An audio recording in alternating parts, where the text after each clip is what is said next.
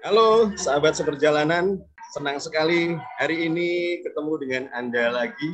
Semoga sahabat yang mendengarkan podcast ini semuanya dalam keadaan sehat. Dan hari ini saya, Agustinus Sanjaya, yang akan menemani Anda di, di Podcast Insight, di mana melalui podcast ini kita akan membahas tren terkini di dunia people development bersama para praktisi berpengalaman. Dan ya, ini pertanyaan nih, kenapa sih kok Anda nggak boleh ketinggalan podcast Insight? Kami akan menghadirkan beragam diskusi yang kreatif serta berbagai inspirasi yang bisa Anda gunakan di dunia people development. Dan Anda juga bisa berbagi kendala, tantangan di dunia people development yang bisa kita bahas di podcast eh, di podcast ini ya, teman-teman ya. Dan caranya gimana Anda bisa chat kami atau email kami sehingga tim kami juga bisa menampungnya untuk jadi bahan podcast selanjutnya.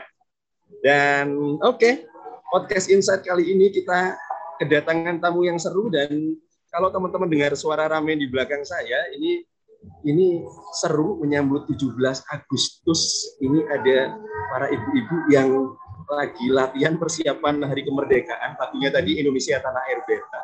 Keren banget. Dan semoga ini bisa jadi latar yang baik untuk kita, teman-teman.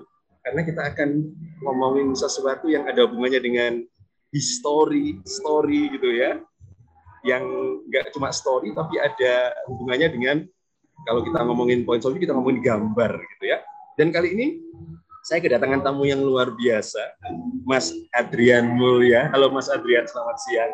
Halo, selamat siang. Halo, selamat siang. Hai. Yo, Oke, okay. ini salam kenal Mas Adrian sehat-sehat ya. Sehat. Kita masih sehat, ketemu sehat. kan? Sama-sama, ya. amin. Dan ya ini Mas Adrian ini adalah film fotografi entusias dan beliau adalah fotografer independen, teman-teman. Juga jurnalis juga ya Mas ya sebetulnya ya. Uh, iya. Ah, ini keren banget teman-teman. Kenapa Mas Adrian ini dihadirkan? Karena kalau Anda ngelihat Instagramnya atau ngelihat websitenya ya, apalagi uh, Anda akan lihat banyak gambar-gambar yang nggak cuma gambar, tapi ini karena beliau ini juga jurnalis juga jadi gambar-gambarnya seru banget untuk dikulik. Nah ini aku jadi punya pertanyaan nih untuk Mas Adrian nih. Ya. Mas Adrian ini kan fotografer yang fokus di area jurnalistik dan dokumenter. Kira-kira ya. gitu ya Mas ya? Mendokumentasikan uh, banyak hal. Iya, lebih banyak sih ke dokumenter sih, dokumenter. Ah. Ya, tapi base-nya kan ya dari jurnalistik. Oke, okay. Mas, apa sih yang bikin Mas Adrian itu suka dan tertarik banget dengan aktivitas fotografi yang seperti ini ya, yang ada dokumenternya, nggak cuma fotografi artistik. Apa yang bikin tertarik? Uh, jadi gini sih, kalau ketertarikan itu mungkin awalnya karena saya suka yang saya suka dari fotografi khususnya di jurnalistik dan dokumenter itu ya saya bisa ketemu orang banyak banget. saya bisa ketemu orang dari yang ya level bawah sampai level atas gitu loh. Jadi dari ya rakyat biasa sampai presiden saya bisa ketemu, saya bisa memotret, bahkan kalau saya lagi bikin foto-foto kan, saya, kalau emang kita lagi bikin foto potret, kita bisa meminta dia untuk berpose sesuai keinginan kita. itu nah lalu ya sama ini juga sih kemudian kan kenapa kemudian saya terjun lebih banyak di dokumenter karena saya suka mendengar cerita dari orang-orang, dari tokoh-tokoh yang saya potret gitu loh. Dan jurnalistik kan uh, emang memang mengharuskan kita mengenal subjek secara lebih dalam gitu lah. Nah di dokumenter sama bahkan harus lebih dalam lagi. Jadi foto itu hmm, kadang-kadang bisa kita selesaikan nggak dalam satu hari dua hari, tapi bisa ya lebih dari seminggu bahkan bisa bertahun-tahun. Ya, itu menariknya menurut saya uh, di apa di fotografi ya apa dokumenter jurnalistik lah itu. Jadi ini sebetulnya mendokumentasikan tidak hanya gambar ya. Ini ada banyak keseruan di balik apa ya. Ketika orang suka difoto itu menyenangkan ya ketika kita potret. Tapi lebih dalam ya. lagi aku menangkap ada kisah di balik itu bener ya. Iya betul. Yang jadi mas. ya ya jadi itu ya kita ngangkat kisahnya dan ya dan apa akhirnya uh, hubungannya tuh nggak cuma sekedar orang yang difoto gitu loh. kan biasa kalau kita cuma datang ke studio foto kita mau motret bikin apa bikin KTP lah misalkan kita datang ya udah di foto cekrek selesai kalau ini kan enggak kita harus tahu latar belakangnya kehidupan sehari harinya bahkan ya akhirnya kita jadi kawan di, bersama de, dengan mereka gitu loh dan makanya itu saya uh, nggak pernah bilang apa orang-orang yang saya foto itu objek foto kalau objek kan beda ya Ya, ya, saya ya, bilang betul. dia itu subjek foto. Malah itu, ini subjek. Iya, karena kan menurut saya ya kita dia sama, sama kita tuh setara. Hmm, hmm, uh, kadang-kadang ya kalau dia emang tak mau kita hanya meng, me, me, memberikan ide saya mau motret tapi kalau mereka nggak mau ya tak, tak ya udah nggak usah bahkan mereka bebas untuk mengekspresikan dirinya gitu saya cuma jadi tukang foto aja gitu. Nah, menarik menarik. Nah, ini ini, ini bisa digali lebih dalam. Aku sudah sempat lihat beberapa fotomu di ya, beberapa medsosnya Mas Adrian dan aku tertarik dengan yang ini Mas. Uh, proyeknya Mas Adrian yang perempuan penyintas 65, hmm. ya kan? Ya. Di situ Mas Adrian tuh memotret profil orangnya, tapi apa ya nggak cuma memotret wajah gitu ya tapi aku bisa ya. ngerasain ya bahwa okay. di balik orang itu ada kisah gitu loh iya iya itu itu sesuatu banget buat aku ya oh, iya, makasih uh, Mas Adrian kalau hmm. pertanyaan sederhananya gini uh, kenapa Mas Adrian suka apa ya kisah itu kenapa sih Mas uh, foto dan kisah kenapa nggak foto aja apa yang menarik uh, gini uh, tadi kan saya ya apa bergerak di foto jurnalistik lah. Saya banyak bikin esai foto itu. Lalu kemudian saya tertarik dengan foto potret. Nah, foto potret itu kan foto diri seseorang ya. ya, ya. Tapi kan kemudian di situ sebagai apa ya seorang jurnalis saya juga harus berpikir bagaimana ketika saya memotret seseorang itu uh, paling enggak yang orang melihatnya itu uh, penikmat fotonya bisa mendapatkan informasi juga dari orang-orang yang saya foto ini. Nah, di situlah kemudian saya berusaha kalau di foto potret itu uh, menjejalkan banyak informasi tentang orang ini gitu loh. Menurut saya di situ kemudian saya tertarik untuk membuat foto potret ini gitu. Jadi kayak hmm. misalkan saya bermain nanti bisa dengan latar belakang, bisa dengan baju, bisa dengan uh, sikap tubuh orang yang saya foto. Nah, itu nanti uh, ya jadi kombinasi lah gitu. Kemudian saya harus merangkum itu semua di dalam satu frame foto. Nah, menurut saya itu sih yang membuat saya jadi ya tertarik terjun ke dunia fotografi, eh terjun ke dunia apa uh, foto potret dan apa uh, kalau soal ya, ya apa tadi ibu-ibu ya yang foto yeah, betul, betul. Uh, uh, itu lebih karena story-nya gitu loh karena ya ini ada latar belakang sejarah lah nah di situ sih jadi kan Eh, kombinasinya tuh di, di situ gitu loh. Jadi yeah, yeah, ada latar yeah. belakang sejarah dari ibu-ibu ini, ceritanya segala macam. Lalu saya harus uh, membuat dia di dalam kira-kira tergambar di dalam satu foto potret dan ya pasti ada ceritanya, narasinya. Hmm. Begitu. Adrian aku tanya. Ya. Uh, apa sih yang kamu harapkan dari orang ketika melihat fotomu? Hmm. Dari foto yang berkisah itu ya, misalnya. Iya, iya. Ya, saya berharap sih ini apa orang ketika melihat foto itu lalu tertarik untuk mengikuti ceritanya dan lalu orang tertarik juga uh, untuk mendalami kira-kira apa sih yang dialami sama uh, orang ini orang yang saya foto ini dan kemudian kan dari ketertarikan itu ya saya berharap ada timbul rasa empati terhadap apa yang sudah dialami si subjek foto ini gitu loh simpati dan karena kan foto yang yang saya bikin itu banyak foto tentang penyintas lalu terus saya berharap ya orang yang melihatnya lalu uh, tertarik dan mau meng, meng, apa ya mencari informasi lebih lah dari peristiwa-peristiwa sejarah ini gitu loh. Ah, gitu. Berarti ini ini nggak sekedar di potret ya, tapi mm -hmm. ini apa ya harapannya setelah itu kita bisa gali lebih dalam ya sesuatu ya, di balik foto itu ya, menarik, menarik. Ada misi-misi. eh ini ini, gitu. ini ini nyambung dengan visi-misi. Sekarang ya, gitu. Aku mau tanya nih, uh -huh. uh, self portrait. Oke. Okay. Itu sebetulnya bagaimana sih self portrait ini kalau ini kalau untuk orang awam ya yang yang nggak kayak Mas Adrian ya hmm. kalau diimplementasikan dalam hidup sehari-hari baik dalam apa ya hidup hidup pribadi ya maupun hidup karir kalau tadi Mas Adrian bilang kita bisa gali itu lebih dalam sebetulnya gitu kan. Ini kalau dalam kehidupan sehari-hari bisa nggak sih di, di, diangkat uh, diimplementasikan dalam kehidupan sehari-hari untuk apa ya kira-kira bisa nggak mas? Masuk lebih dalam. Ya. Kalau kita misalnya aku potret diriku gitu, mm-hmm. atau potret seseorang gitu. Ya kalau tentang self portrait ini kan gini ya. Jadi uh, ada seorang fotografer namanya Nancy Floyd.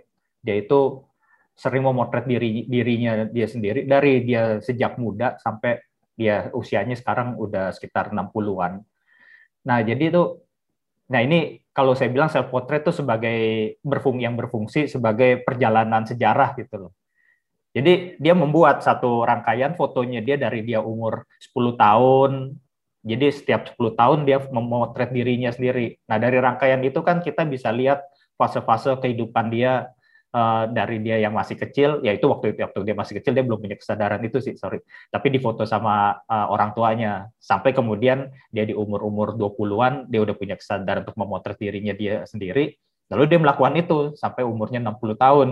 Di situ dia kita bisa lihat gimana proses seorang foto eh seorang si uh, si Nancy Floyd ini ya menua lah gitu. Dari yang tadinya sempat apa uh, punya anak, sempat agak menggemuk lalu apa uh, kemudian sampai ya dia lebih keriput-keriput gitu loh. Bahkan ada beberapa foto yang menarik, jadi dia motret dirinya dia bersama mesin ketik. Jadi jadi kita bisa lihat ya nama perubahan mesin ketik typewriter dari yang masih tok tok tok tok tok gitu sampai sekarang ya sampai yang udah modern komputer. Iya, gitu loh. Ada juga soal foto dia bersama telepon dari telepon yang masih apa telepon zaman dulu yang pakai kabel sampai sekarang udah near kabel. Jadi itu kita dari apa self portrait yang dia lakukan itu kita bisa tahu gitu loh gimana perjalanan sejarah. Itu salah satu contohnya sih. Kan menurut saya juga self portrait juga bisa apa ya uh, berfungsi juga. Kalau yang lain tuh saya lihat ada juga banyak fotografer yang melakukan bahkan bukan fotografer uh, pelukis sebenarnya kan ya biar gimana kalau kita ngomong fotografi itu kan itu bagian perpanjangan dari dari uh, lukisan ya. Nah, sebenarnya kan para pelukis dulu kan udah banyak yang melakukan lukisan, dia melukis dirinya sendiri untuk menggambarkan keadaan jiwanya pada saat itu. Kita mungkin uh, bisa mengingat foto uh, lukisan-lukisan dirinya yang sering uh, Frida Kahlo. Nah, Frida Kahlo itu sering mem melukis dirinya sendiri. Misalkan dia mengalami keguguran tentang anaknya, lalu dia melukis dirinya sedang sedih, bahkan uh, ya seperti itulah Lalu ada Vincent van Gogh juga sering memotret, eh, melukis dirinya sendiri dan sebenarnya ketika ditemukannya fotografi ini membuat orang-orang kan lalu nggak perlu harus punya keterampilan melukis untuk memotret, eh untuk melukis, menggambarkan dirinya sendiri. Nah dia udah punya alat yang lebih mudah, tidak punya perlu lagi teknik-teknik melukis yang apa gimana gitu. Dan lalu ini cukup punya alat kamera, dia bisa memotret dirinya sendiri. Nah, gitu sih. Oke. Eh, ini ini di, di luar pikiran gue ya. Iya. Ternyata segitunya ya, Mak. Artinya satu, iya ya, kita bisa ngelihat ya Mas ya perjalanan sejarah kita. Iya, dari iya, kecil iya. saya bisa ngelihat oh iya ya ada perubahan, sudah berubah banyak gitu ya. Iya, Lalu uh, lalu yang kedua ini ini jauh, lebih dalam lagi. Melihat apa ya dinamika diri ya mas ya artinya ya, uh, ya. yang terjadi dengan dinamika jiwa terus Iya, ekspresi dari apa yang di kepalanya dia, apa yang dia ah, rasakan gitu. Kan makanya itu kan juga. emosinya nanti kan ya berpengaruh terhadap moodnya itu loh. Moodnya dia lagi gimana gitu. ini ini menarik banget. Menarik ah. Dua ini aku, aku tangkap keren ya. Artinya dalam kehidupan sehari-hari artinya foto nggak sekedar foto, kita bisa bisa ngelihat eh ini loh saat, aku sedang gembira, aku bisa iya. Ya tarik lagi, aku bisa ini loh kalau gembira bisa seperti ini caranya iya, begini yeah, bisa kita yeah, yeah. Ah, menarik menarik menarik. Jadi tuh kalau buat saya tuh gini sih uh, si kamera ini adalah semacam aparatur aparatus sorry aparatus tuh instrumen. Yeah. instrumen yang mengajarkan orang-orang untuk bisa melihat tanpa melalui kamera. Jadi tuh kayak misal gini lah paling gampang mas uh, kita mau memotret gitu uh, kita tertarik sama apa uh, kembang misalkan. Mungkin kalau kita punya alatnya kan oh, kita motret lebih detail ke kembangnya pakai lensa makro apa yang mendekat jadi kembangnya doang atau misal dari gambar yang besar itu mungkin kita crop jadi kalau kita nggak punya lensa yang itu kita crop jadi gambar apa bunganya aja yang apa uh, daun-daunnya kita kita apa kita kita potong gitu. Nah seperti seperti fungsinya seperti kayak bisa seperti itu sih. Jadi kita bisa melihat fokus kita ke mana gitu ya. Betul ya. Eh tunjukin dong foto-foto tahun 65 dan sambil misalnya gini deh kita lihat mas satu dua wajah lalu kira-kira kisahnya apa Coba Mas, bisa ditunjukin. Oh, ah, eh, teman-teman ini kita akan coba ya. Di podcast ini saya akan jadi mata Anda untuk melihat sambil Mas Adrian cerita eh, menangkap jiwa di balik foto gitu ya. Silakan Mas Adrian. Iya, uh, yang mana ya? jadi ah ini bebas, bebas. ini ini uh, ada cerita di, di dengan foto ini. Jadi ini kan foto-foto uh, tentang para ibu uh, penyintas 65 eh, ya gitu mereka yang dituduh apa dulu dituduh dituduh apa uh, eh, PKI. Nah, jadi yang menarik dari foto ibu ini sebenarnya gesturnya itu. Jadi sebenarnya ada dua foto. Sebelumnya saya memotret ibu ini uh, tanpa apa lukisan suaminya yang hilang sampai sekarang dia nggak tahu uh, dia ada di mana. Nah, jadi pertama foto ibu itu sendiri. Nah, ketika dia apa mau saya foto uh, dia mau tersenyum gitu kepada saya tapi kemudian saya minta izin kepada ibu ibu ini namanya ibu Mariam untuk menaruh uh, foto eh lukisan dari suaminya yang hilang nah ketika saya sandingkan seperti ini dia tidak mau melihat kepada saya dia dia lebih seperti uh, kalau kita lihat matanya seperti keluar dari langsung dari, berubah ya. Iya, seperti apa langsung menatap ke atas kayak seperti apa membayangkan oh, ya nggak tahu lah gitu apa suaminya ada di mana dan ketika saya minta dia untuk melihat pun dia lebih memilih oh, untuk seperti ini gitu loh. Jadi ya ini yang saya bilang bahwa ya selain foto saya yang apa uh, saya memotret seperti ini tapi artinya dari uh, foto atau ini lukisan ya lukisan suaminya itu juga mempunyai memori terhadap dirinya gitu loh. Nah, dan kemudian mungkin ketika memori itu dihadirkan disandingkan bersama dirinya, ya dia teringat kembali akan suaminya yang sampai sekarang belum nggak jelas ada di mana. Wow. Iya. Wow. Kira-kira seperti itu ini contoh satu. Iya iya iya. Gitu sih. Uh, uh.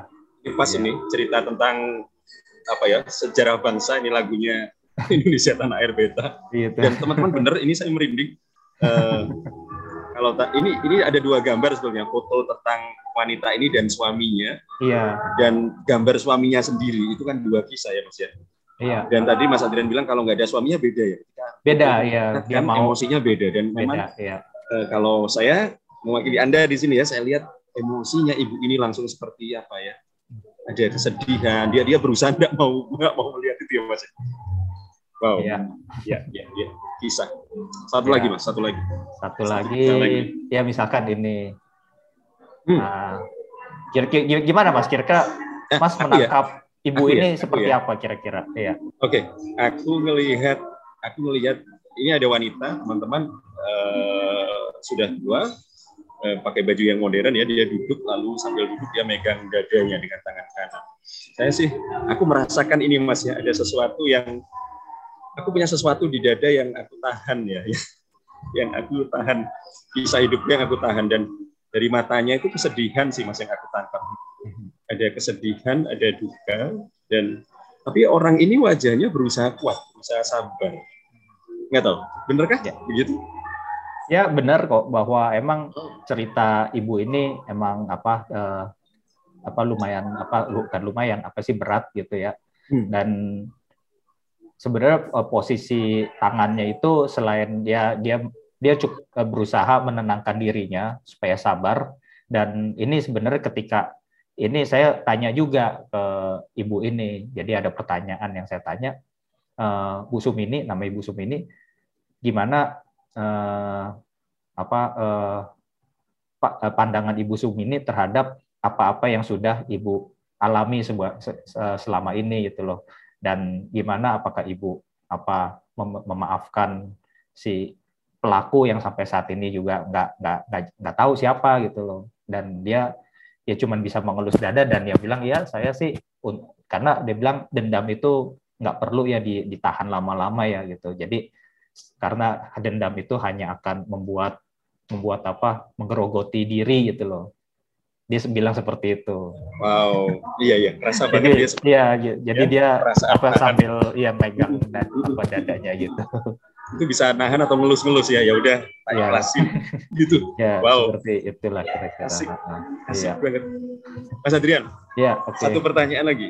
Oke, okay. ini, ini jujur. Uh, ini fotomu ini apa Mas ya? Aku orang awam aja bisa nangkap gitu loh kisahnya.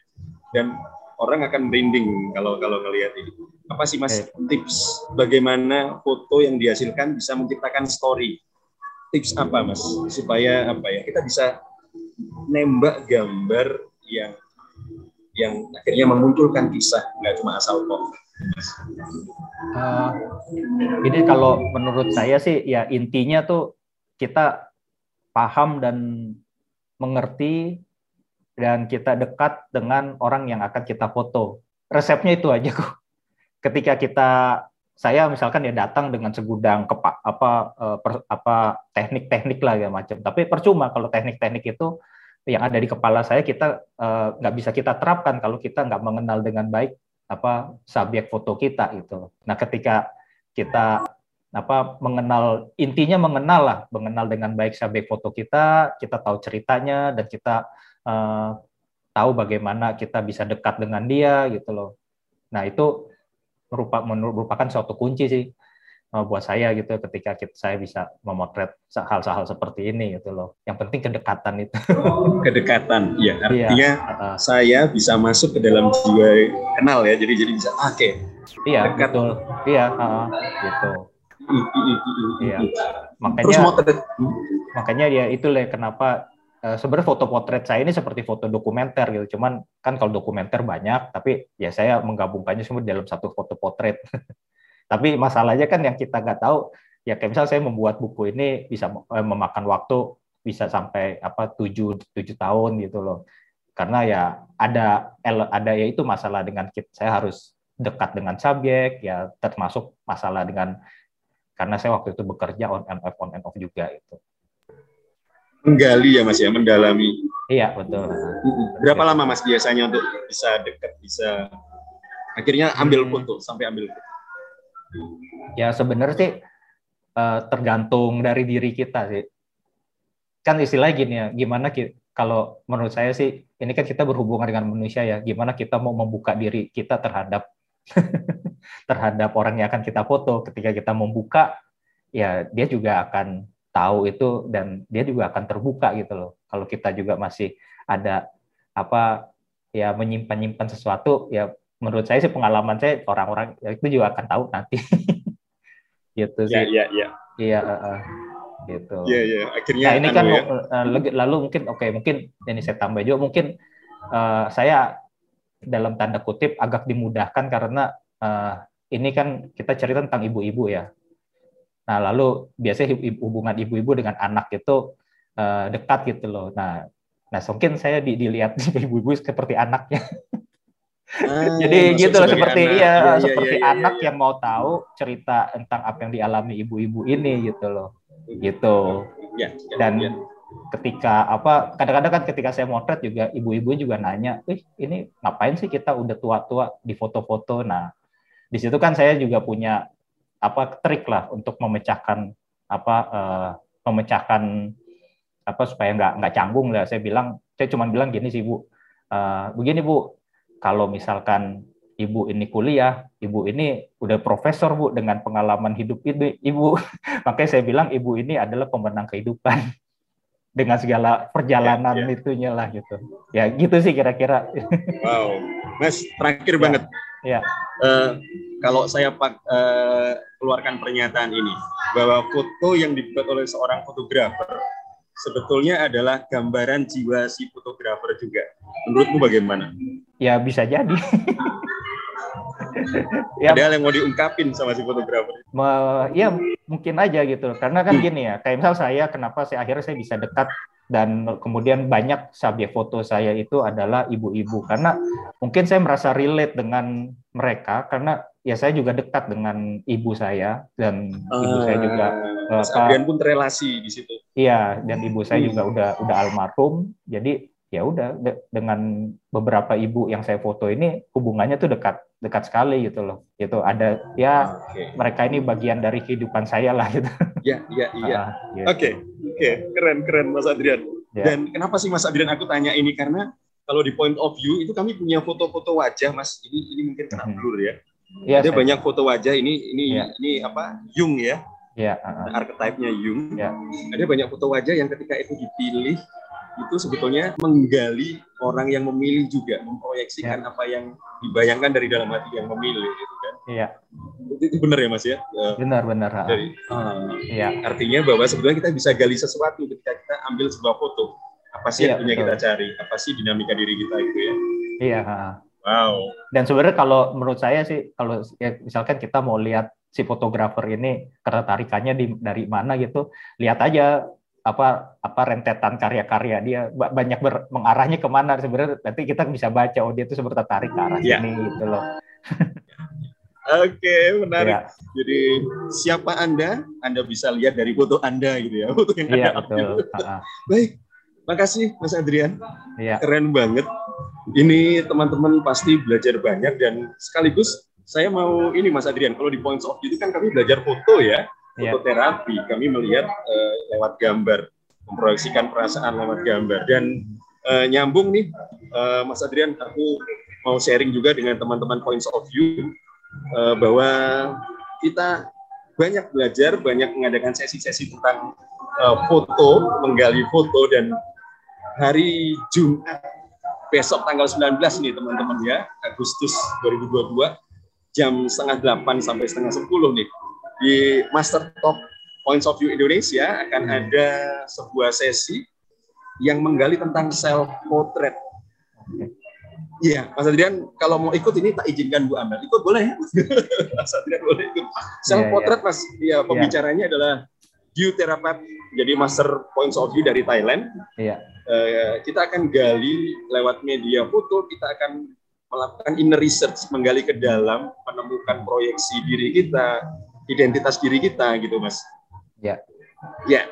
Dan buat teman-teman, yuk Tadi Anda sudah dengar dari Mas Adrian bagaimana foto itu bisa bercerita tentang banyak hal, bisa berkisah tentang apa ya kisah hidupnya seseorang dan juga diri Anda sendiri juga, ya. ya. Nah, bagi yang penasaran dengan Mas Adrian, Anda boleh kulik-kulik. Aku pernah lihat IG-nya Mas Adrian nih. Boleh dilihat IG-nya Mas Adrian. Boleh buka IG-nya Adrian Mulya pakai Y ya Mas ya. Iya. Kalau website pakai .com. .com, tapi website sekarang lagi down. oh enggak. Lagi uh, enggak, lagi-lagi enggak ini ya, ya websitenya. Ya, Oke. Okay. Uh. Boleh dipantengin teman-teman seru banget. Uh, ada banyak Anda akan bisa lihat banyak kisah lewat foto-fotonya Mas Adrian. Mas Adrian. Ya. Thank you banget. Terima sesinya kasih. siang ini menambah wawasan kami dan meneguhkan bahwa ternyata lewat gambar kita bisa menggali banyak hal. Iya. Terima kasih banyak. Dan untuk teman-teman okay. points of view, uh, yuk stay tune di podcast Insight dan juga di berbagai sesinya Points of View baik itu di akademi kemudian di apa ini Master Talk dan di sesi-sesi yang lain. Tetap semangat, tetap sehat. Thank you Mas Adrian. Yuk, terima kasih. Ya, Yuk, sama-sama. Sama-sama.